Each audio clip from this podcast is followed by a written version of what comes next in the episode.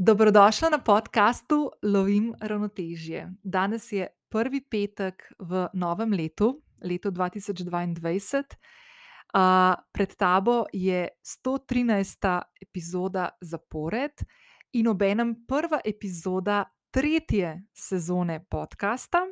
S tabo sem kot vedno Nina Gaspari in danes objavljam pogovor, ki ga nisem načrtovala objaviti danes, na prvi petek v letu 2022, ker sem si želela še malo vzeti na off, ampak se je ponudila priložnost, da poklepetam s Klaro Leben, kolegico podcasterko, s katero sva se dogovorili, da se slišiva takoj po novem letu in posnameva pogovora. Za moj podcast in za njen podcast In Bed s Klaro Leben, uh, ki prihaja ven v naslednjih dneh, tako da ti bom povabila, da tudi skočiš tja in poslušaš najmen pogovor. Um, Klara se vrača na podcast, bila je že gostja v 51. epizodi, ki je bila objavljena konec oktobra 2020. Uh, če še nisi poslušala, te bom povabila uh, s povezavo, ki jo najdeš v zapisu epizode na moji spletni strani, ki te čaka spodaj na linku v opisu epizode, da skočiš tudi tja in jo poslušaš, uh, da lahko primerjaš tudi njeno podjetniško in uh, osebno rast uh, v malo več kot enem letu. Um, zakaj sem s Klaro rada, zakaj rada govorim s Klaro? No? Dajmo tako reči. In zakaj se mi je zdelo zelo primerno, da leto 2022 štartam s tem pogovorom? Je zato, ker uh, sva s Klaro precej imava razlike v letih. Uh, pripadava uh, vsaka svoji generaciji, uh, ampak kljub vsemu. Uh, Ne, da se podobno razmišljava, zelo lahkotno se pogovarjava, in ful se mi zdi fajn pokazati uh, in dati možnost, da prisluhnete pogovoru dveh žensk, ki delata različne stvari, um, ki živita uh, v dveh različnih generacijah, v istem prostoru sicer, uh, ampak nekako podobno razmišljava o določenih stvarih in predvsem poskušava nagovarjati vsaka svoje občinstvo z vsebinami, uh, ki jih ustvarjava in za katere trdno verjameva, uh, da nosijo najno strast. Uh, Klara, če je še ne poznaš, je podjetnica, lastnica znamke Embed, uh, tudi kolegica podcasterka, kot sem omenila, in svetovalka ženskam na različnih področjih, uh, predvsem na področju grejenja zdravega odnosa do hrane, svojega telesa in uma. O tem tudi veliko govoriva danes v najnem pogovoru. Um, govoriva tudi o letu, ki se je izteklo, 2021, katera so bila ključna spoznanja, uspehi, porazi um, kako vsaka od naju gleda na življenje, na sebe, na odnos do dela, do denarja, do podjetništva, do ustvarjanja in do sledenja neki svoji strasti in vrednotam. Um, Klara je zelo iskreno spregovorila o velikih spremembah, ki jih je naredila na svoji podjetniški poti in so izhajale iz njenih življenjskih vrednot in strasti, ki jih nosi v sebi. In se mi zdi ena tako ful lepa popotnica za začetek novega leta, ki um, kljub temu, da prinaša neko svežo energijo, nas je mogoče že v prvih dneh malo spet ustavilo uh, in nas vrnilo nazaj v neko brutalno realnost, ki se zdaj ponovno odvija. Um, ampak da ne grem, da ne zajadram v tiste smeri, bom pustila uh, Klari, da pove svoje razmišljanja za nazaj in za naprej. Um, tako da vabim te, preden skočiva v pogovor s Klaro, da če še nisi prijavljena na podcast Slovenijo Ravnotežje, lahko to narediš zdaj prek aplikacije, na kateri trenutno poslušaš to epizodo. Uh, vedno sem uh, vesela ocen in mnen, ki mi jih lahko pustiš na aplikaciji, ker s tem pomagaš meni, kot ustvarjalki vsebin, za podcast in vsebine slišijo tudi te podobne ženske in moški, ki morda do zdaj še niso slišali za podcast Slovenijo Ravnotežje. Vedno se mi lahko oglasiš na zasebno sporočilo, najraje vidim na Instagramu, ker se ti bom najhitreje javila nazaj. Uh, in to je to. Uh, vsem želim en lep skok uh, proti vikendu, prvemu vikendu, uh, oziroma drugemu vikendu v tem letu, uh, pa še enkrat vsem srečno novo leto, naj vam prinese vsega tistega, kar si najbolj želite.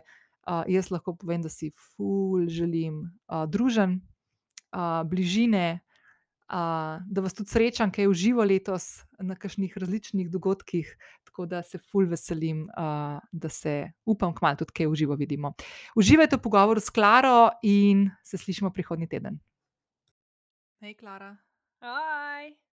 Ful te je lepo videti. Um, da najprej povem. Najprej, mi dve smo bili zmenjeni danes, da se vidva in posnameva uh, tale podcast za me in enega zate. Um, pa smo mal zamenjali načrte in se gledava prek ekrana. Zihar je zihar. Zihar je zihar, ja. Drugač pa, uh, malo nisem načrtovala ta teden imeti podcasta zunaj, no, ampak sem fulj vesela, da smo se slišali in zmenili, da uh, se spet malo posinkava, ker si bila tukaj gostja. Točno vem, kdaj, oktober 2020. Um, to nisem vedela. Vem, da je bilo že dolg čas nazaj, če skupaj pogledaš. Ne? Ampak ja. A veš, zakaj vem? Ker sem včeraj, uh, pa mi da to snimava zdaj na sredo, dva dni prej grem podcast. Uh, včeraj sem prenašala vso vsebino, ki jo imam na spletni strani, zato ker razmišljam o tem, da bi jo predstavila na neko drugo platformo. In sem med drugim tudi uh, show notes za tvojo epizodo, s pogovora s tabo, uh, dol prenašala in sem se fulj smejala, ker sem videla, kako je bilo to. Da, ja, Takrat se je že marsikaj spremenil. Ja, v bistvu, prej, ko smo se pogovarjali za tvoj podcast, uh, ki si bila veliko bolj pripravljena kot jaz za ta pogovor. um, si omenila, da smo posneli uh, s tabo, mislim, da si s mano posnela podcast polet 2020 in to je bil v bistvu je to ena od treh epizod na mojem podkastu, ki so bile posnete v živo. Res. Ja, pa v ja, bistvu prva. prva. Živa je meni še boljša. Ja, ja. Ne, je fajn, se tudi jaz to želim za letošnje leto malo več tega, ampak lej, bomo zdaj še malo zaprti. Ampak, v glavnem, dej, ker smo glih uh, vstopili v novo leto, najprej uh, srečnega, zdravega, ne, pa uh, čim bolj družabnega, Ja, enako, hvala lepa. Um, da mi povej, kako. Ka, Zdaj, mi smo malo na vprašanje, kakšno je tvoje leto 2021, kaj se je lepega zgodilo, pa kaj bo kaj tazga. Ne, ne, ne uspehi, mogoče bolj taki neke spoznanja ali pa situacije, ki so se zgodile, s katerih si se kaj naučila, mogoče za naprej. Ok, tega je bilo veliko, se mi zdi, v lanskem letu, ker je eno tako transformativno, se reče, transformativno leto. Ja. Uh, Zdaj, kar bom kaj pozabila, dobro, da najprej sam lepo pozdravim vse poslušalke, mogoče še enega poslušalca. Uh, za tiste, ki se ne poznajo, moje ime je Klara in ustvarjam pod imenom Embedit Klara z Embed znamko. Nekako moja stvar, strast je pomagati ženskam videti, kaj vse zmorejo, če poslušaš to svojo strast, uh, zaceliš odnos do hrane, do svojega telesa in kako se življenje kar hitro spremeni, ko se zauzameš za svojo srečo, no, tako bom temu rekla, čist v splošnem. Zdaj pa odgovorim na tole vprašanje. Uh, moje leto 2021, uh, jaz sem takrat bila v bistvu dost drugo leto podjetnica. S, uh mhm. -huh. In takrat se je tudi marsikaj spremenil, od na zadnje, kar smo se slišali.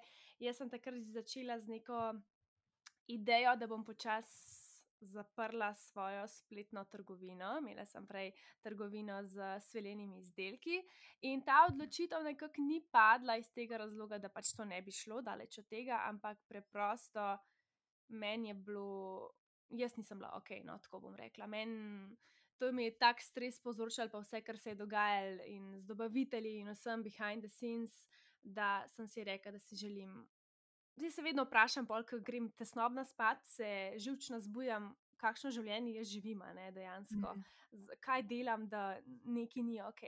Tako da potem je ta ideja zorela, zorela in jaz sem vmes tudi uh, končevala svoj študij uh, coachinga. In ko sem ga končala, sem se potem tudi odločila zapreti počasi podjetje in začela s coachingom.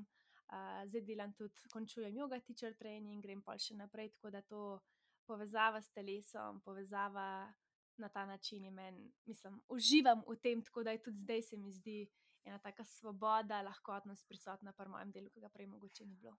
Ej, dobes, a te lahko vprašam za vse tiste, ki mogoče te ne poznajo čistko iz prve roke, da naprimer te ne spremljajo na, na družabnih omrežjih, konkretno na Instagramu, kjer uh, komuniciraš o teh stvarih. No, in si tudi povedala, da si zaprla trgovino in tako naprej. Zdaj si omenila tako to tesnobo, pa v zakulisju, kaj vse se dogaja. Pa veš, da sem ti jaz že nekajkrat povedala, tudi prej, ko smo se pogovarjali. da se meni tako zdi, vsak ima neke fizične izdelke, se mi zdi kot kralj.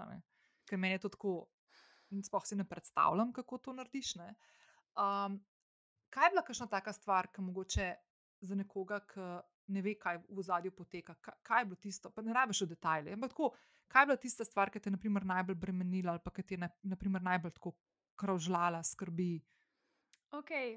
Um, ja, jaz mislim, da je pri fizičnih izdelkih zdaj dva načina prodaje. Ene so, če imaš ti svojo lastno proizvodnjo, eno je pa pač, če si ti ali dobavitelj nečesa, ali pa recimo, vem, da imaš neke fizične izdelke, kot bi rekel, vem, zobna ščetka, ki je že narejena, pa daš svoj logo gor in ga prodajes naprej. Pač, Prav white label. Ja. ja, recimo. Mhm. Ali pa pač, da je nekaj takega, da ti ne rabiš imeti primer tukaj pri oblekah, pa pri nekih takih izdelkih, ki so iz blaga, ne tukaj je pol ful več enega procesa zraven, od uh, koordinacije s šiviljami, da najprej najdeš ta pravo šiviljo za ta pravi izdelek. Če ena šivilja cel življenje šiva zavese, pa ne vem, posteljnine, ne bo zdaj kar naenkrat znala noro dobro krojiti sviljenih oblek, razen ali pa nekih takih svečanih, kaj zvem. Ne, tako. tako da, kar se tega tiče, je bil ful izziv, sploh zaradi tega, ker smo imeli najprej uh, sviljene vzglavnike, pa je šlo to na sviljeno kolekcijo oblačil, to je bila spet potem druga šivilja druga svila, drugi dobavitelji, menjava, najdete dobre dobavitele. Vmes, recimo, tiste dobavitele, ki sem našla, da so imeli vrhunsko svilo, so kar naenkrat, takrat, ko so bila že odprta prednaročila, ko je bilo naročilo že um, narejeno, so rekli, žal moramo prekiniti. Se mhm. pravi, sem imela se pravi, stranke, ki so čakale, oni so meni rekli, prekinujemo uh, naročila, zato ker se je naša um, tovarna je danes na jutro odločila, da ne prodaja več sviljenega blaga, ker imajo oni toliko naročil za svoje izdelke, ki jih Aha. imajo potem zraven. Tako da sem jaz ostala brez dobavitla. Pa imela že vem, 20 naročil, ki čakajo, ki so videli, da pač, okay, je mogoče en mesec zaprijeti tisto blago. Ne? In zdaj to. In to, ja. se, to se ni enkrat zgodilo. To se je zgodilo kar ene parkrat, da je šlo ali da se je zgubil to. Primer, že v Sloveniji se je parkrat zgodil, da se je izgubila pošiljka vredna blaga po par tisoč evrov in jo je um, poštar odložil, pa sosednji gostiln ura ni povedala še vili in mi smo iskali tisto svilo, kar zmešani. Ne? To se ti kar srce, mislim, jaz nisem mogla mhm. spati takrat. Um, tako da. Mene je bremenil še posebej ta odgovornost, ki sem jo čutila do stranke, v smislu, ker um, sem hotla narediti, kot vse ostalo, odlično, vrhunsko, in potem stvari, ki niso bile v mojih rokah, ki niso bile niti podrazno odvisne od mene, je spadalo, da mislim, se verjetno marsikdo sploh ja. ni ugotovil, ampak hm. tako ne, kaj to v meni delalo in kako je to vplivalo nekako. No. Vse skupaj. Mhm. Velikrat se je to zgodilo, no, da je bila, ali, ali pa primer, ne vem. Um, smo naredili toliko, pa toliko sviljenih oblek, pa nekaj ni bilo dobro narejeno, ali pa je bila neka napaka na blagu, ki je šivilanje ugotovila. Ne? In svila, mm -hmm. sama po sebi je tudi zelo drago blago in je tudi vložek za vsak posamezen artikel veliko večji, kot pa če ti na veliko mm -hmm. prodajes, ne vem, kot sem rekla, z obnoščetko. Mm -hmm. Tako da uh, mene najbolj to z dobavitelji, z. Uh, Tudi s kašnimi za pošto, tako no. Ali pa če se je najdla, sam s tem se to se tudi naučiš, dobiš trdo kožo, pa znaš potem se s tem soočati, kašna nezadovoljna stranka, ki na koncu ni imela veze s tvojimi izdelki, ampak s tem, kako je nekako glih točno to na živ stopali. Nekaj se prav vidi, veš, da ni to, mhm. ampak ja, tako da ja, no, ja. ni. Jaz, jaz sem si pa itak vedno, ne, sem že vmes delala, uh, že cela ta moja zgodba bila vedno speljana okoli uh, mentalnega zdravja in nasploh dela na sebi in tako. In citak je bila tudi spet trgovina tako speljana in celotna ideja, ampak sem želela preizkusiti se tudi v neki, um, kako bi rekla. Spremeniti poslovni model. No? Tako to sem si želela, nek, nekaj, ki je bolj sustainable tudi za me.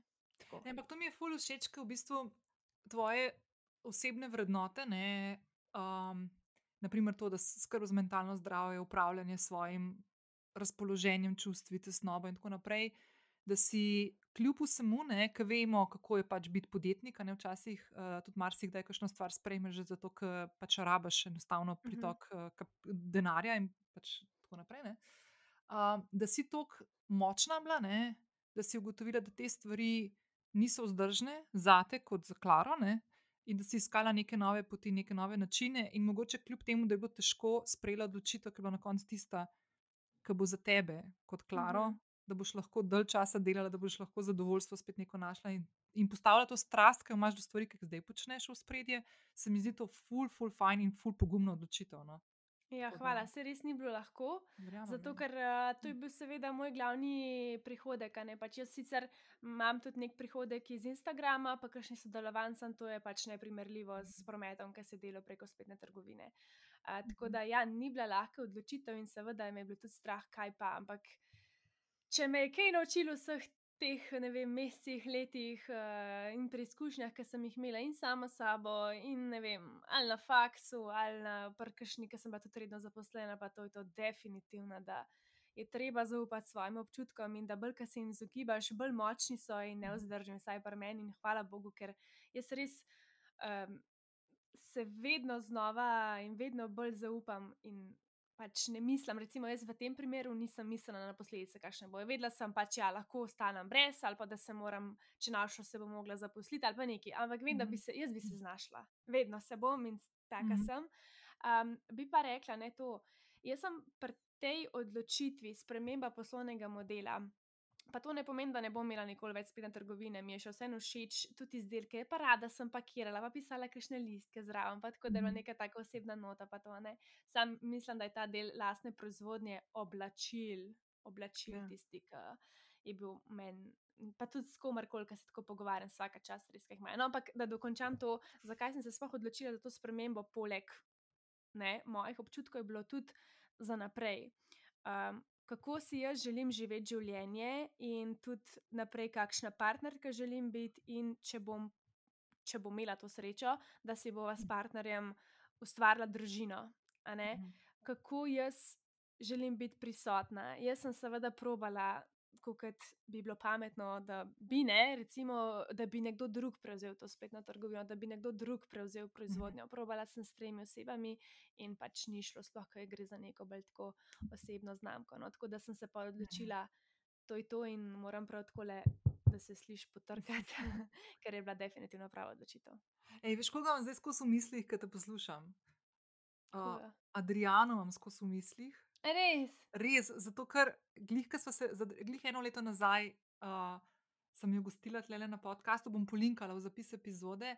Um, ker je bila glih na začetku svoje mera, mera, mera, mera. The Mera collection. Ja. ja. In, in zdaj ne, si tako mislim, ker izzive ima verjetno zelo podobne. a ne, Tudi pač Ja. ima ogromno enih stvari, pa tako, ki jih počne, pa trgu, spletno trgovino z oblačili. Pa ima pa še dva otroka majhna, Mhm. pa še zdaj se je preselila na Polsko, stvari tle v Sloveniji laufajo. Sploh si ne predstavljam, tako da le zdaj imam skozi malo v mislih. No. Da, ja, Mm. noro. Sam jaz mislim, da če imaš ta pravo ekipo, a, pa neko vizijo, da je to res tisto, kamor si poklican, da se tudi da. Se tudi, recimo, zdaj, ko imam coaching, ko imam sploh vse stvari, ki prihajajo tega, se tako veselim v tem letu, um, se da, ker so ti izzivi pa niso tako grozni, kot so, če se pač uh, ne vem. Mogoče res, kot sem se hotla, ful najti v tej zgodbi, ne vem kako ne rečem. Vse je bila ta rdeča nitka, meni ful veliko pomeni, vse je bilo to, ampak neki ni bilo tako, sploh ti ne znam povedati, no, neki ni bilo, pač Ne, ni bilo. Okay. Ja, Ja. neki se ni poklikali med sabo, in, pa ne, pa pol ti tudi vzame preveč, ful več energije ti vzame, kot marsikšna druga stvar, ki jo pol delaš tako. tako da, Ja. A veš, pa da to je ja. tudi tisto, kar rečejo, ne? Oziroma ne vem, kako jih to reče. Jaz sem se to ful začela zavedati tudi na tej poti, ko sem imela svojo prehransko zgodbo in nasploh, ker sem hotela shujšati in tako bolj, ker sem hotela shujšati, bolj sem se redila po domač povedan in se prenedala, pa tako ne, da sem hotela s to muko priti do svojega cilja. Mhm. Ampak, ko ti prihajaš z neko muko, nezadovoljstvom, stresom, um, tesnobo do svojega cilja, pa je tudi cilj tak, razočaranje, ker ne dobiš tistega, kar misliš, da ti bo to prinesla. Mhm. In jaz, vsta, pa se to spet ni bilo, ne vem, kako zdaj bajno denar, da sem zdaj kljena milijonarka, da rečem tega, ne pač si tako so bili začetki in tako naprej. Ampak jaz, ki sem mislila, da mi bo pač ta vsota, ki sem si jo včasih sam predstavljala, prinesla neko varnost, zadovoljstvo, uspeh, tega ni bilo. Mhm. Jaz tega nisem čutila, medtem ko zdaj, jaz to čutim. Mhm. Meni men je zdaj po eni uri coachinga, ko jaz to končam, jaz sem zadovoljna sama s sabo, jaz sem mirna, spat grem mirna, zbudim se vesela, čist nekaj drugega. Mhm. Tako. Ej, dej, ki si omenila, prej, sem te, te, te vprašala, kaj je bilo lansko leto, kaj je ta, kar se ti je zgodil, plus pa minus, pa si ta coaching, pa izobraževanje omenila. De, kaj točno uh, vključuje? A kot Um, coaching sam ali po, uh, coaching, ki ga ponujam, izobraževanje ali to, kar ponujam jaz? ne, to, kar ti ponujaš, Okay. pa to tudi eno imaš, eno imaš ti ena na ena, a ne, Eno coaching, eno pa imaš pa program. program, a ne. Ja, torej program je prišel ven novembra na moj rojsten dan. Um, in sem ga dala, v, celoten program sem seveda naredila na podlagi uh, ena na ena coachingov, čim bolj osebno, na podlagi video vsebin in nekaj, kar bi si jaz želela, ko sem imela negativen odnos do svojega telesa, do hrane in sem se vse čas vrtela v istem ciklu. Torej, jaz bi rekla, da je neka ta moja strast, moja niša pri tem, da pomagam ženskam, da se nehajo prenajedati, da ustvarijo lepši odnos do svojega telesa in do hrane, in da ni to nekaj, kar razmišljaš in moraš nadzirati, ampak da je to mim grede. Da, primer, če je kakšna taka, ka, verjetno je tako, če si bila na dieti, si imela ta. Ali da si hotla vse tisto jesti, kar ne smeš jesti, Mhm. ali pa primer, ki si prišel na kakšno praznovanje, bi lahko pojedel celo mizo, zato ker si tega prej nisi dovolil. Ne, Mhm. tako, ja, če ne bi bilo zelo vas, bi vse požrla. Tako da to je s tem, čemer se ukvarjam. In v bistvu sem bila ful presenečena zelo v zadnjih parih mesecih, kakšna ogromna sprememba se naredi in da kako hitro se to prenajedanje in ta restrikcija lahko popravi. Pač jaz sem vedela, da lahko pomagam, nisem pa vedela, da lahko tok pomagam. Tako da Mhm. sem res pozitivno presenečena. Jaz sem vedno si želela ta občutek, da, da delam neko spremembo in definitivno ta občutek je zdaj z mano. No. Tako da, če zdaj, kot sem rekla, pozamem, pomagam ženskam, da pridejo do miru v hrani, v svojem telesu in posledično se spremeni tudi vse ostalo v našem življenju. Ja, no. odnos do sebe in odnos do drugih. Ne, Ja, vse to je tako, uh, iz sebe izviraš. Ne? Mhm. Če se spomniš sebe, ki si bila kdaj zoprna, pa nekaj je bilo zaradi tvojega občutja, in pa so bili še vsi odnosi vplivani od tega. Ne? Misliš, prvi 40 let mojega življenja? ja, absolutno. Ne, itak, pri tebi pri sa- pri tebi se vse začne, pa zaključi tudi. Ne, tako da, ja. ja, ja. Ej, um, veš, kaj se spomnim, ko te spremljam na Instagramu, da si imela, preden si dala tečaj ven um, novembra, si imela kar nekaj um, objav namenjenih temu, da si odprla možnost, da se brezplačno s tabo na coaching urah dobijo uh, ženske. A si na tem, na tistem, na, na podlagi tega, kar si preomenila, da si delala pol tudi kurs, kaj je tisto, kar si pri njih opazila, si to vzela kot nek del tega postavljanja tega projekta? Torej, jaz sem imela, preden sem sploh odprla coaching, šest mesecev prej prakso. In sem uh, imela pet punc, s katerimi smo se Mhm. najprej enkrat na teden dobivali, ker tudi ponavadi na coachingu, tem individualnem, imamo prve tri tedne, enkrat teden srečanje, pol pa po potrebi, oziroma ne vem, enkrat na mesec, ker poanta vsega tega ti mene skozi rabiš, ampak da um, pridobiš to zaupanje vase nazaj, da, um, da greš lahko sama. Pač, ja, zelo je mogoče tvoj odnos do hrane, do tvojega telesa, enkrat bo nekaj drugega. Ne? In važno, Mhm. da najdemo nekaj, s čimer ti lahko potem uživaš, neko rutino vzpostavljamo in tako naprej. No? In jaz sem to preko tega najprej videla, sploh kako začeti ta coaching. Pol pa, ko sem jaz se odločila zapreti v tem zapiranju spletne trgovine in odpiranju coachinga, sem ponudila brezplačne. Uh, mislim, da so bili 15 ali 20 minutni Mhm. um, klici, to niso bili coaching klici, to so bili klici, v bistvu, da se spoznamo, da jaz vidim, kakšni so izzivi na drugi strani, in hkrati, kaj, Mhm. da oni vidijo, kaj jaz lahko naredim, oziroma kaj jaz lahko ponudim. Mhm. Tako da to je služil temu, zdaj tega žal nimam več, ker preprosto ne znese in tako. Mhm. Um, ampak ja, no, se mi zdi, da so mi dali eno pogled tudi, uh, komu je interesantno to. Mhm. Definitivno je pa ta program narejen na podlagi dejanskih Mhm. coachingov v zadnjih parih mesecih. Ne, se to sem, zato sem te to vprašala, ker se mi je zdelo, ker jaz se tudi spomnim, ker sem se jaz, um, ker sem malo prestrašena od te stvari, bolj pa bolj počasi delala, se ne da si ti zdaj iz danes na jutro se odločila, da boš zaprla naprimer, trgovino in zamenjala ta poslovni model. Valjda, Zdaj se je, ne? Ko da Ja, ja, ne. ja. Ne, ampak to mora dozoreti, ne, veš. Ja.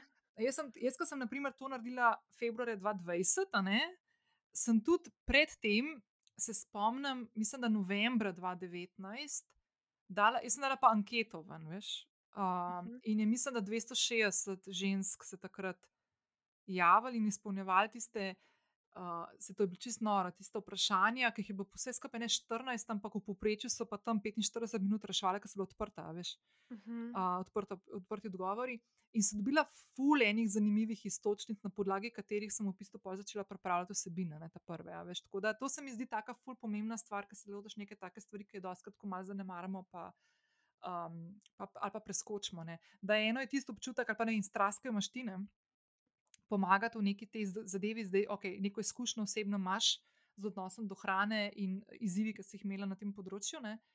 Pa si se šla še izobraževati, zdaj pa druga stvar je, pa kaj pa dejansko se ženskam okrog tebe, ki jih ne poznaš, dogaja v glavah.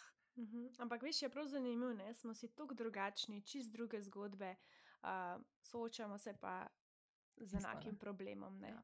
Sej ja. lahko se mogoče kaže na drugačne načine, ampak tudi ta zgodba s hrano ni nikoli ohranjena.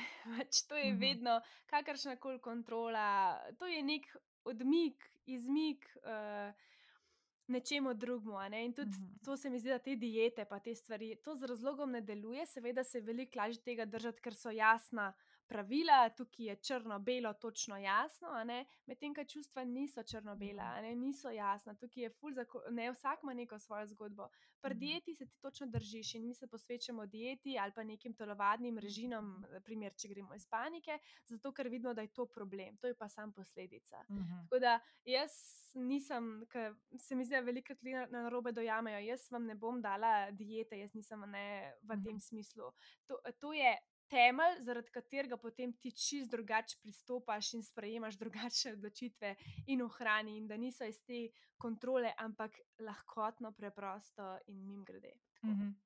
Ej, zdaj, jaz kot naprimer človek, ki vse žive stvari, ki sem jih v življenju dala skozi, naprimer. Zanimivo, s hrano nikoli nisem imela nekih konkretnih težav, nisem imela nikoli prehranskih motenj, uh, ki bi se sicer zelo enostavno lahko tudi pri meni razvile, drugače iz, iz otroštva naprej, od tistega sedenja za mizo do večera, če ne poješ, pa tako naprej. Ne.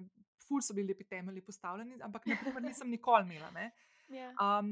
kje so naprimer tiste, da mogoče tudi kakšna poslušalka, veš, slišiš mogoče kakšno zadevo, kje so tiste skupne točke, ki si preomenila to, kar tudi jaz doskrat povem, da smo si ful bolj podobni, kot se nam zdi včasih. Kje so tiste stvari, ki so ponavadi skupne ženskam, dobro, tudi moškim, ampak da je reči ženskam, ki se soočajo z nekimi težavami ali pa z motnjami pri prehrani. Uh, no, tukaj je pa zelo težko skupni imenovalec najti. Uh -huh. uh, pri teh stvarih, recimo, to so neke navade, ki te učijo, ali pa nekaj, pa ne smeš od mize, pa to ne. Se, kot uh -huh. sem mhm. rekla, si misliš, da je to iz tega, lahko je tudi en del, ampak velikrat to sploh nima veze. Ni uh mhm. -huh. problem v tem, da uh, ti ješ tako, pa tako hrano. Vprašanje je, zakaj imaš tako velik apetit. In ta velik apetit, ta potreba po tolažbi, umiku, kakršen koli nima veze, ne? v tem smislu, da hrano uporabljajo za nekaj drugega, kot pa ali lakato, la, lakoto ali nek ne vem, užitek družine, nekaj kot del kulture. Je ponavadi v neki čustveni stiski. Pri meni je mhm. bilo definitivno tisto od sprožilcev tesnoba, um, pomankanje enega pomena v svojem življenju, Uh, tako da, ja, sploh ne rabi, da veš nekaj, da imaš prav prehransko motnjo, ki si mhm, predstavljamo anoreksija, bulimija. To, ne, jaz prav s prehranskimi motnjami ne delam. Ne. Če imaš ti bulimijo, pa to rabiš drug spektr pomoči, tu greš potem ne, psihoterapijo, psiholog in tako naprej. Um, jaz sem bolj tako, ne, coaching sam po sebi je namenjen, da prav dosegaš te svoje cilje, ne praktično, korak za korakom, spremenjamo nekaj. Ne? Mhm. Se tudi poglabljamo v določene stvari, ampak ni pa to spektr psihoterapije. Tako, no? -huh. In ta skupna točka je pa definitivno neka osebna stiska in odmik od nje. Uh -huh. si, da delaš tečaj za učiteljico joge. Mhm. Kako to zgleda? In ja, kako ti gre? uh, gre mi presenetljivo, zdaj se moram malo pohvaliti, dobro. Jaz mislim, da zaradi tega, ker v tem dejansko uživam, pa moram reči, da ne v jogi sami. Um, jaz sem si izbrala prav ta program, ki ga delam, imenuje se Strala yoga. Um, na podlagi tega, ker imam zelo rada Melissa Woodhead telovadbe, ona ima nek miks pilatesa joge in jaz sem našla dve leti nazaj. In pa sem videla, da je šla ona ta, uh, ta um, izobraževanje takrat delati uh, in sem rekla, ajde, meni je fulošični stil vadbe, grem še jaz. In presenetljivo, uh, meni je bila joga vedno dolgočasna, če se iskreno. Uh Mhm. -huh. In tudi velikrat, odvisno spet, kdo jo vodi, je definitivno dolgočasna. Ne? Mhm. Nekako se mi upira vse skupaj. Zdaj, tukaj sem pa jaz v bistvu odkrila, zakaj se mi upira, zakaj se mi je upirala, tako da je bil en tak velik izziv tudi za me. Hkrati pa sem ugotovila, da je poanta joge ne tiste poze, pa kako si ti, mm, ne skoraj da meditiraš vmes, ampak predvsem kako sebe spoznavaš preko gibanja, da najdeš v gibih sebe, da iščeš to svojo intuicijo, da ne delaš potem, kako vsi ostali bi mogli se zgledati, ampak da ne vem, če, je, če te tišči ali pa nekaj boli, pa ne se sil, lepo te prosim, malo zadihaj, Mhm. nek celoten način življenja, neka lahkotnost. Ne? Tako da um, jaz fuloživam v tem, trenutno vam tudi delam prakso, vadbo preko Zuma s parimi puncami vodam in ta miks pilatesa joge, mm, top. Res, Ej, a veš, da zdaj, veseljem. a veš, da zdaj, ko te poslušam, je po mojem ena od najlepših stvari, ki sem jih jaz tudi odnesla iz te moje izkušnje, uh, ko sem šla na učiteljski tečaj za jogo in pol tudi, ko sem vodila, je točno to. ne. Um, to, da začneš uživati v svojem telesu, pa da začneš ugotavljati. Jaz sem prišla do tega, koliko sem sposobna narediti stvari, za katere sem naprej prepričana, da jih ne morem. Tudi kakšne poze. Veš, pri meni je bila, na primer, stoja na glavi neka taka stvar, ki ni šans, da bi naredila, naprimer, ker me je bilo ful strah. Ampak mi je bilo tako tisto premikanje svojih mej, ne tekmovanje z nekom na sosednji blazini, ker to je bajdo, to sem imela včeraj debato z mojim dragim, ki hodi na eno jogo in je tam pač nek. Malo je preterala, zgleda, učiteljica sposobnosti nekaterih svojih učencev prek Zuma in je malo pozabila, kdo je na drugi strani zgleda, in je delala neke poze, ki je rekel: Sam kokvane. Pa sem rekla, le ne smeš se obremenjevati s temi stvarmi. Ne? Tako kot če bi bil v fizičnem prostoru, nikoli ne smeš gledati unga na sosednji joga podlogi, ampak dej glej, kaj ti danes narediš v primerjavi s tem, kar si na zadnje, ki si bil na jogi. A je boljš, a je slabš, zakaj je boljš, zakaj je slabš, kaj se dogaja s tabo. Sam sebe, gled, ne smeš gledati druge. Mm. Pa ena stvar, ki sem jo tudi ful odnesla in mi je bila tudi ful všeč, je pa to, da nimaš odgovorov na vsa vprašanja. Tudi pod, pol kot učitelj, ne? ker te pol ful sprašujejo razno razne stvari. Mislim, sej, če mene vprašaš, ti, ti si lahko najboljši učitelj, sam če si pač veš čas radoveden, da bi rad Ja. vedel več, da si pripravljen videti izkušnjo enega drugega, ki je mogoče drugačna od Mhm. tebe. Pa tudi zdi se mi, da to telovadbo jemljemo tako preveč resno in nekaj Mhm. tako režim, če tega ni, a, a ne tako. Zabavi se, ki se gibaš. Jaz prav to zabavo uh, spodbujam, ker če, če ti ne uživaš in v hrani, in v svoji službi, in s svojim partnerjem, in a ne v gibanju, ja, ti se ne boš vračal prav dolgo. Ne. Mogoče boš nekaj časa, o, disciplina, slejka prej to popusti, a ne in ni Mhm. vzdržljivo. Tako da to je načelo tudi mojega vodenja vadbe in nasploh in coachinga in vse, pač užitek iskati skozi svojo izkušnjo v svojem življenju. Tukaj te stvari, ne, tudi se mi zdi, da hodimo v vadbi in na neke kakršne koli, ki kupimo kaj, kaj z nek self-help self zadeve, pa ne vem kaj. Se mi zdi, da kar pričakujemo, ha, ti si tisti, ki me bo rešil. Mhm. Ne. Ti lahko skozi to svoje doživljanje uh, določenih primer, programov, telovadbe, sprehoda naravi, najdeš sebe, začutiš Mhm. sebe, vidiš, prisluhneš sebi, a ne dovolj umika. Gremo, gremo Mhm. pogled, ka, kakšne odgovore imaš pa ti, ne? ne kaj ti bo en drug rekel in to je ta nasvet, ki ga bom spet upošteval in spet ugotovil, da to ne izhaja iz sebe in sem znajdu spet na isti točki. Ja. Ne, se je tisto, kar so se prej pogovarjali, da v bistvu se še vedno čist preveč ukvarjamo z drugimi, kot sami sabo. Ker mislimo, da je to fulaže. Pa v bistvu na koncu ugotoviš, da začetek. Jaz se spomnim, ko sem jaz začela na jogo takrat hoditi, pa sem se odločila, da grem delati uč- učiteljski tečaj. Sem takrat na zadnje, ko sem bila res tako depresivna. Sem bila tudi na antidepresivih takrat. In meni je bila joga rešitev. Ne. Pa ne rešitev v tem nekem pogledu na jogo, mogoče zdaj kakšna uh, uh, poslušalka ali poslušalec posluša, pa ima predstavo joge kot neke že skoraj na pol kultne stvari, ne zdaj po svetu, Ja. pajkicah, tam pa ne levo. de- Ne, meni je bila v bistvu to, kar si ti zdaj rekla. Jaz sem v bistvu sama sebe našla. Ne? Sama sebe sem našla, plus začela sem točno to ugotavljati. Jaz sem skozi telesno vadbo, ful sem se izogibala te neke, tega mentalnega dela, umskega dela, oziroma te meditativnega dela zraven, ki pride k jogi. Nisem štekala iz te meditacije takrat, tudi vedno sem imela težavo imeti zaprte oči, pa ne Mhm. odpirati, pa tako naprej. Ampak jaz sem dejansko to mirnost, pa lahkotnost v sebi najdla skozi vadbo. Ne. Ki, by the way, zdaj, ko se s tabo pogovarjam, moram se vrniti nazaj k tej praksi, ker sem jo čisto pustila zdaj jogo zadnji, zadnje leto. Um, in se moram nazaj vrniti, zato ta občutek. Um, Sem, sem zgub, ne, da sem ga izgubila, ga še vedno imam, ampak vem, da mi ga bo še dodatno spodbudil, če se bom vrnila k tej praksi. Mm. Uh, imam pa kar težavo, ti moram povedati. No. Eš, um. Tako se mi zdi, da je neka taka skupnost tista, ki je pomembna za to, da boš ti ustrajal, pa če je to online ali pa uživo. Pač zelo ja. uživa malo teže, ampak ne vem. To je tako, jaz si predstavljam, kako bi rada hodila na jogo ali pa pač jo vodila, da gremo pa na kakšno kavico skupaj ja. ali pa ne vem, se šetati mal po centru. A veš, tako da je ja, neki, ja, ja, ja. da greš s prelco, ajde greva pobiti s tisti joga metom do, do uh, pač vadbe in tako, veš, mm -hmm. da, se, da se družiš, da je neki ja, ta užitek. Ja. ja, ker drugače. Veš, jaz, ne mo jaz ne morem, mislim, sorry, da te prekinjam. Jaz, na primer, si fulno predstavljam prek spleta delati jogo. Uh mhm. -huh. Ker sem čisi, se zdaj ni druge šanse, praktično. No? Ampak jaz sem toksita sem teh, teh stvari, plus jaz imam toliko distrakcij okrog sebe. Ne vem, jaz ne vem, kaj se je zgodilo v tem stanovanju, kako se dobro počutim, ampak naprimer joge pa ne morem nekako tle speljati. Ne vem zakaj. Nekaj mi je. Tako da jaz bi mogla iti nekam drugam. Ne? Jaz bi mogla dejansko hoditi v neki yoga studio, zdaj ful bi šla na uno aerial vadbo. A to si že bila kdaj? Ja, sem bila, ja, okay. sam uh, ne vem, pa tisto, kar plezaš po teh uh, trakovih. Tudi to sem bila, ej, to je tako težko. Ja, ja, ja. Če ja. se te boli, žulja si polna, ja, ja, ja. da ni tako lahkotno, kot razgleda. No. Ne, mislim, moraš se malo, še sem tudi spet za to naredila, ne? veš, to se moraš malo navaditi tega, veš. Ampak meni pa ful všeč. Veš, zakaj mi je všeč?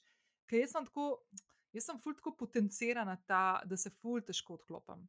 Ne, ful težko odklopim skrbi, ful težko odklopim, mislim, bistveno bolj zdaj kot včasih. Ampak, naprimer, meni je bila ta aerial yoga še malo nadgradnja siceršne te talne joge, zato ker tam res ne moreš na drugega misliti, ker če ne boš mislil na to, kako boš vam prišel iz unih trakov, mislim, dejansko lahko na glavo padeš, mislim, ni, ni, ni, ne moreš se zezati na tam. A veš, kaj se mi pa zdi drugače pri teh bolj mirnih vadbah, recimo Pilates, yoga stil, uh, v primerjavi s hit vadbami, unimi, ki so res visoko intenzivni, ki misliš, da boš umrl, ne skoraj da mm. ne tam. Um, tiste vadbe, pač jaz se ti zapašajo na vsake tok časa, da se zgonoš ali pač neki tako. Ne? Sam recimo ti takrat v teh vadbah v bistvu pobegiš pred samim sabo. Ti takrat nisi mhm. pozoren na svoje telo, ne misliš na to, ker misliš bolj kot ne na neko trpljenje, bolečino, ki se ti odmatra. Ja. Ja. Ja. No, medtem, kar recimo pilates, yoga, Tam si pa ti v bistvu ful prisoten v svoji glavi, v mhm. svojem telesu. Ko mhm. pogledaš, ne vem, kaj narediš, kakšen yoga, trebušnjak, ne vem, pilates, ko pa vidiš tiste svoje rolce, ki so vsa bolj kontrolirana gibanja, pa vidiš, kaj se dogaja v mhm. tvoji glavi. Kaj, kaj, kaj si ti misliš o sebi, ne moreš si pobegati. Ja. In tudi to se mi zdi, da se velikrat izmikamo temu. Pa občutki dolg časa med jogo. Pač občutkom dolg časa se bi vsi radi izognili. Ne? ne vem, meni ta dolg čas, pač to govorim, ne pač v nekih vrstah joge, ki meni pač recimo niso sedli mm -hmm. ali pa vodenju določenih oseb. Mi je bil ta dolg čas, da sem tako, aj lahko, prosim, čim prej konc. Ne, ker bi mhm. bilo meni, ne vem, težko delati vse te stvari, ampak pač, ker sem hotela pobegati pred mm -hmm. temi občutki dolgočasja. Dolgo ja, ja, ja. Tako da se mi zdi, da na nek način uh, približa temu, da ko vse ostalo utihne, pa ki si ti sama s svojim telesom, šele vidiš, mm -hmm. s čim vse strgati soočaš čez dan, ki si tako zaposlena, da nimaš časa misliti. Mm -hmm. Ja, ja, ja. No, pa tudi ta dolg čas, ne pa koliko je v bistvu pomemben, da si ga dovoliš, ker takrat res pridejo. Ali prideš do sebe, ne? Mm. Ali pa prideš do kakšnih idej, kreativnosti in tako naprej, ker drugače nimaš niti šanse in prostora, ne pustiš, da se zgodi. Ne, da, ja. mm ne, da best. Veš, kaj sem te hotel še vprašati?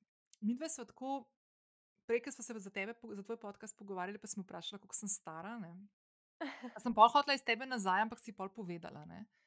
Mi dve smo tako, kar druga generacija. Um, in mi je zaradi tega mogoče tudi full fajn, ker smo se pogovarjali, se nekaj mogoče pa full dobro, da je prva epizoda v novem letu en pogovor z žensko, ki kaže na to, kako se lahko dve osebi, ki sta res različni generaciji, pogovarjata tako mogoče. A veš, mogoče bi jaz lahko rekla zase, to zdaj se ful, ful se bo glupo to slišal, se že naprej upravičujem, pa bom povedala, kako to mislim. Da mogoče imam jaz doskrat zase občutek, da sem taka young soul, veš, tako mladostna. Sploh zdaj, ne vem, odkar sem bila stara, ne vem, 30 plus ali pa 40 plus, imam občutek, da, tako, da se ful, ful rada družim in pogovarjam z osebami, ki so mlajši od mene. Jaz pa starejšimi. No, evo, in jaz sem hotel reči, da ti si pa tako tak old soul, ampak ne mislim tako, a veš, da se lahko ja, ne. Ampak tam, kar se tiče zanimanj, pa mogoče.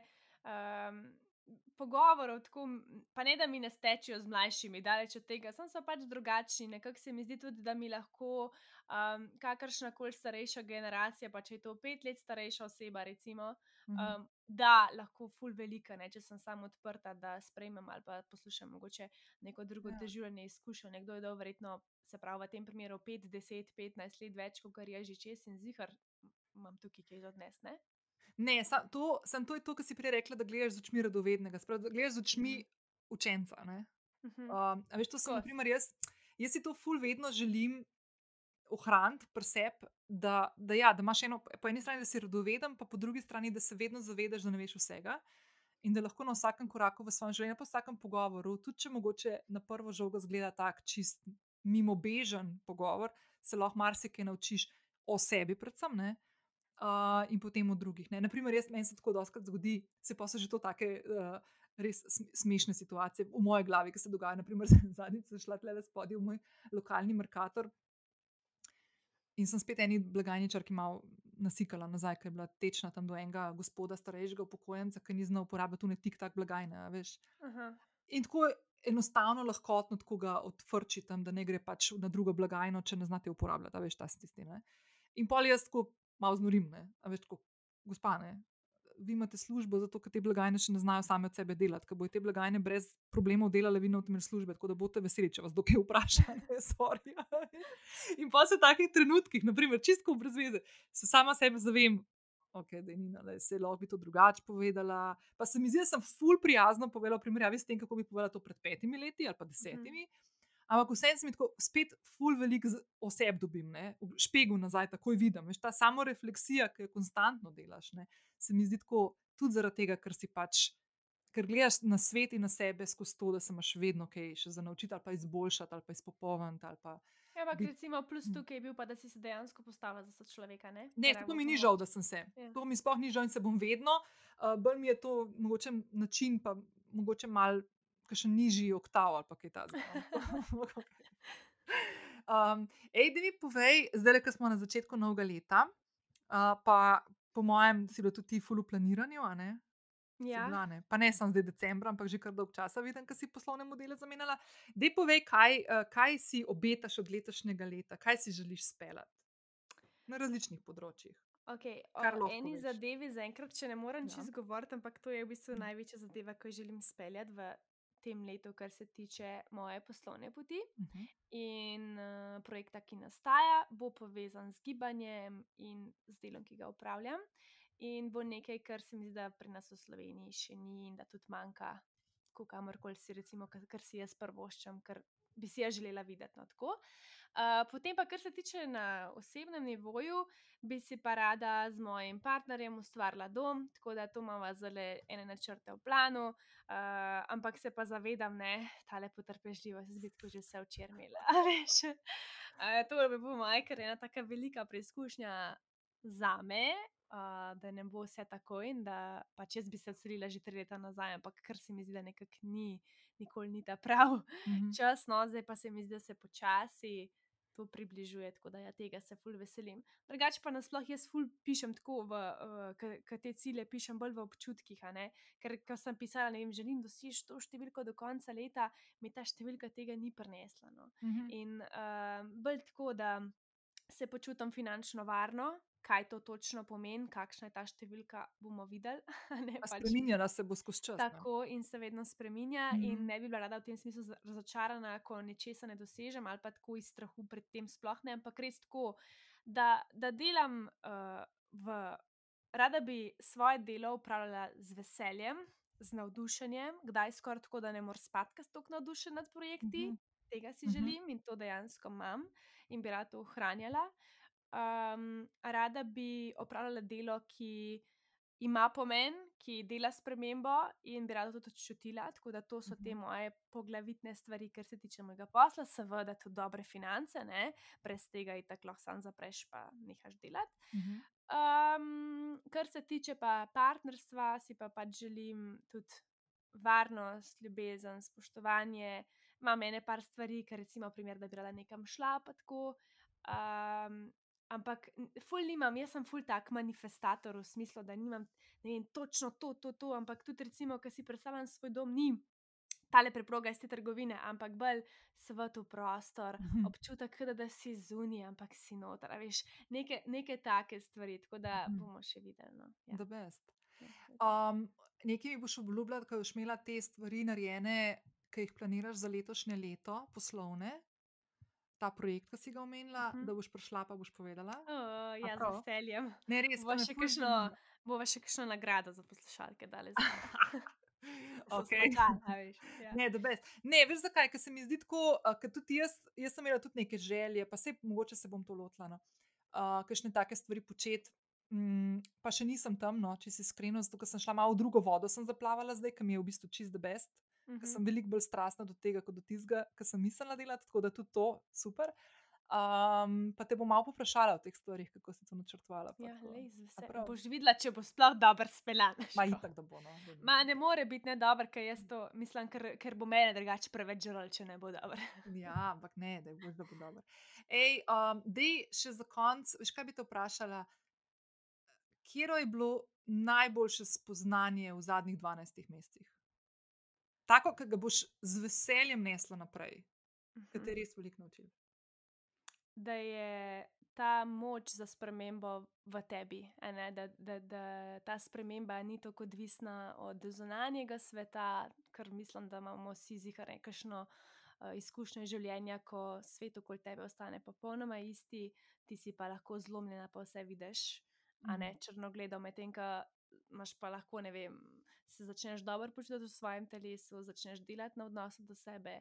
Um, in je kar naenkrat, tudi če je vse ostalo zunaj isto, vidiš lepše, dojemaš drugače. Ne? Tako da res, ko kar se mogoče komu zdi ta skrb zase, še vedno ne prioriteta, da je to nekaj, kar um, je ob strani ali pa da zgleda kot nekaj sebičnega, daleč od tega, Mhm. ker to ni v smislu briga me za vse ostale, ampak predvsem pač lahko dam to, kar imamo.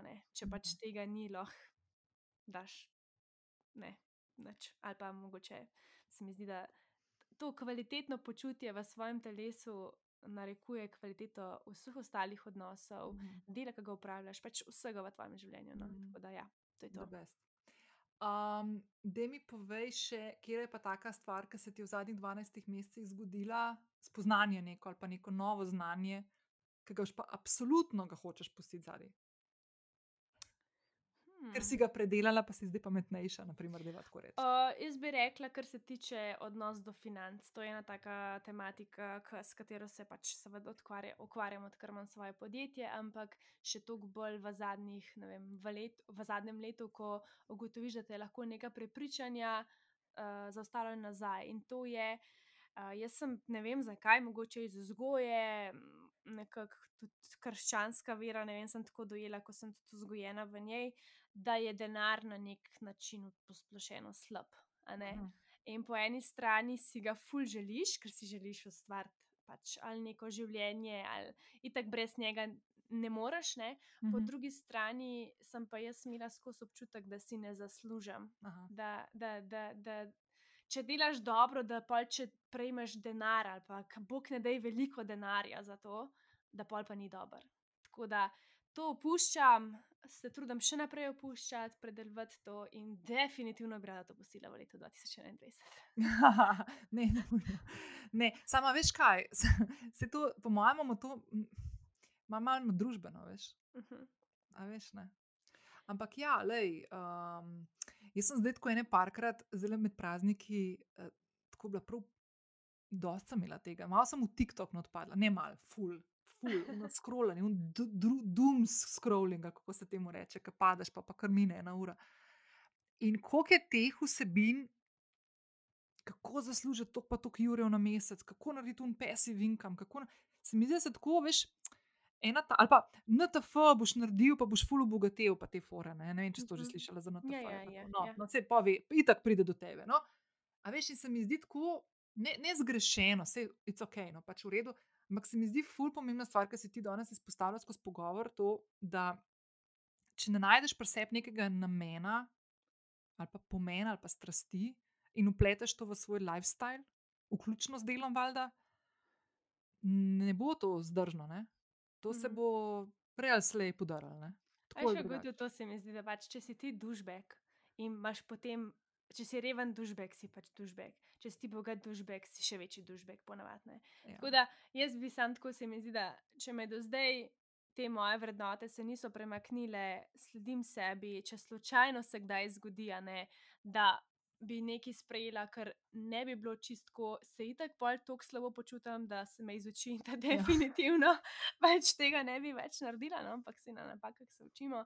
In ja, tudi kar se tiče financ, se mi pa zdi, da sploh ženske, glede na zgodovino, dajmo se izobraziti, ni več to, da je Mhm. moški tisti, ki skrbi za finance. To, ta ignorantskost briga me, ne vem, moj partner skrbi za račune in ima on to pod Mhm. nadzorom. Lepo vas prosim, zdaj je lahko vse v rožca. Ja. Kaj bo čez 20 let, nikoli ne veš, ne se ja tako razmišljati, pa nikamor. Ja, ne, ampak primer, jaz poznam tukaj enih zgodb, ki se ženske ne morejo ločiti od svojega uh, moža, ki jih zlorablja, ker nimajo svojega lastnega nadzora nad denarjem, ne. In ostaje tam v zgodbi samo zaradi tega, ker ni, ne skrbi za svoje finance. Pa morajo varno hišo zaradi tega, iti namesto da bi samo se odselila in poskrbela pač zase.